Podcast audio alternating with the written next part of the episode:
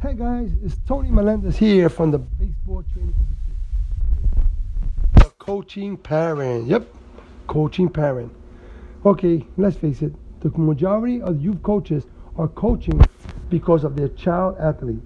Usually, this takes place when registration day comes around and your child, your child's league and team finds out that there's a need for a coach and no one has stepped up to take on the role and responsibility.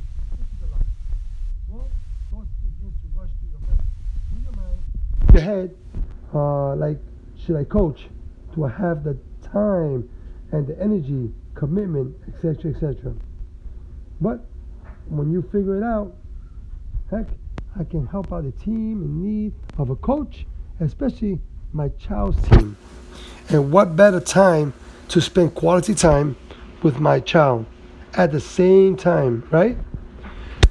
Well, let's uh, let's go over it. That was your choice. Okay, coach.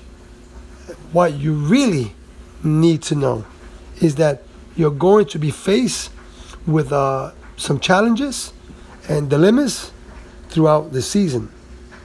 Uh, you know your child so well that it will be very difficult to be objective to him or her.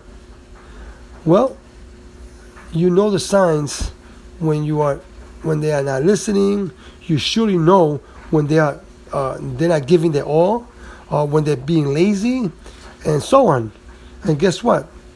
They know you too. They know that look uh, and what uh, it means when you look at them uh, in different situations. Um, if you're upset um, and know your body language, way too good. Why? Because despite that you are the coach, you are also the dad. Well, what are the few things you should, uh, you, you, you could have, should have um, done before deciding to coach?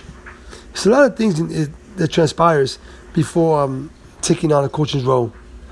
Um, so um, let's go over some of them, and that will be um, first things first. Um, did you ask your child if he or she would like you to coach? Well, if you did, fine. But if you didn't, uh, you have to understand maybe your child doesn't want you to coach, and you should respect that. You know, there's, some kids that really doesn't want uh, their their parents around involved as much.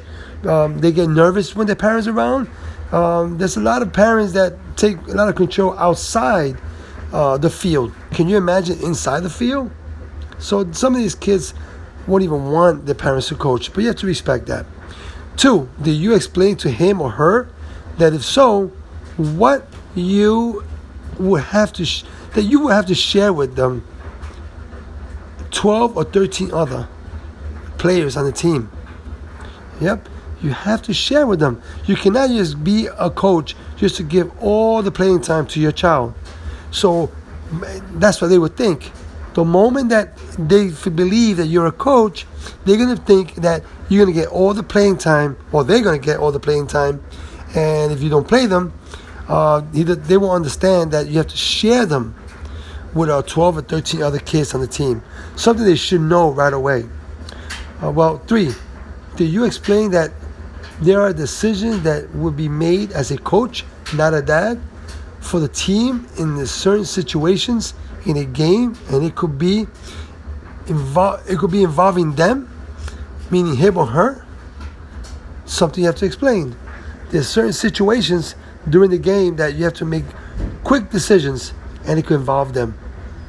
That is the the toughest part of being a dad uh, while you're coaching. Um, four, just because you're the coach doesn't mean that it's automatic. He or she would need to work as hard as everyone else, and if and if so, they have to have they have to earn it. They have to work as hard as everyone else, and they have to earn it. I have repeat that because some parents see the child not earning it, and they still give them the time to play. And what we do is that when that occurs, it only sets them up for failure later on, because when they go to high school and they don't earn it, they will not get playing time. They will not get playing time, and it will be a problem.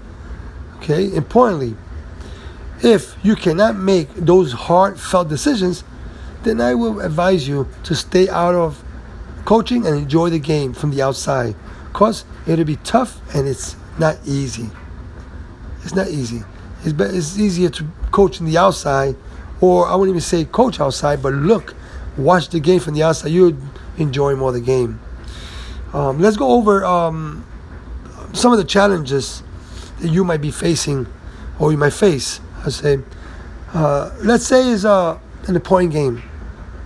Let's say a playoff, a tournament, or a championship game at that, and it's late in the game, and you have a runner or runners on base, and your team really needs that run or runs, and your child is up, and he or she is really struggling and haven't hit the ball, and you have a fresh, good hitter in the dugout, well, decision decisions.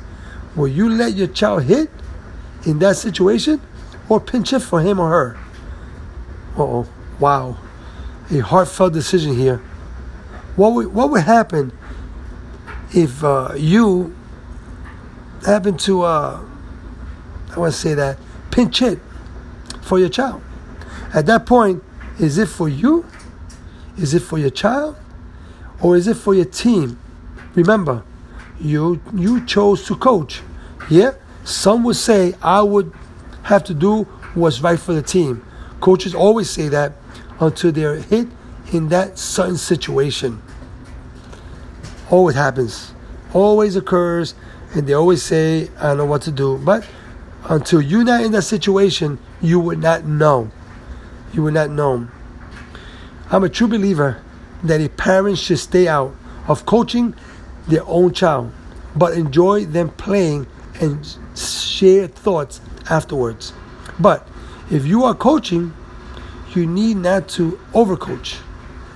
What I mean by overcoaching is that once the game is over, it's over. Give your child some time to unwind, relax, and become your child again. Wait for him or her to open up uh, to uh, to you first. But worst thing to do is just because they struck out is uh, to take them take him or her outside to swing a thousand times or an error, go out there and give them a, a thousand ground balls, and that does not work. Why doesn't it work? Because you first need to figure out why. Why is it happening? Well, that's another topic at another time.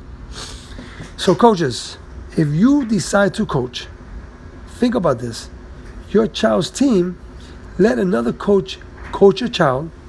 Try not to be too hard, cause it'll happen.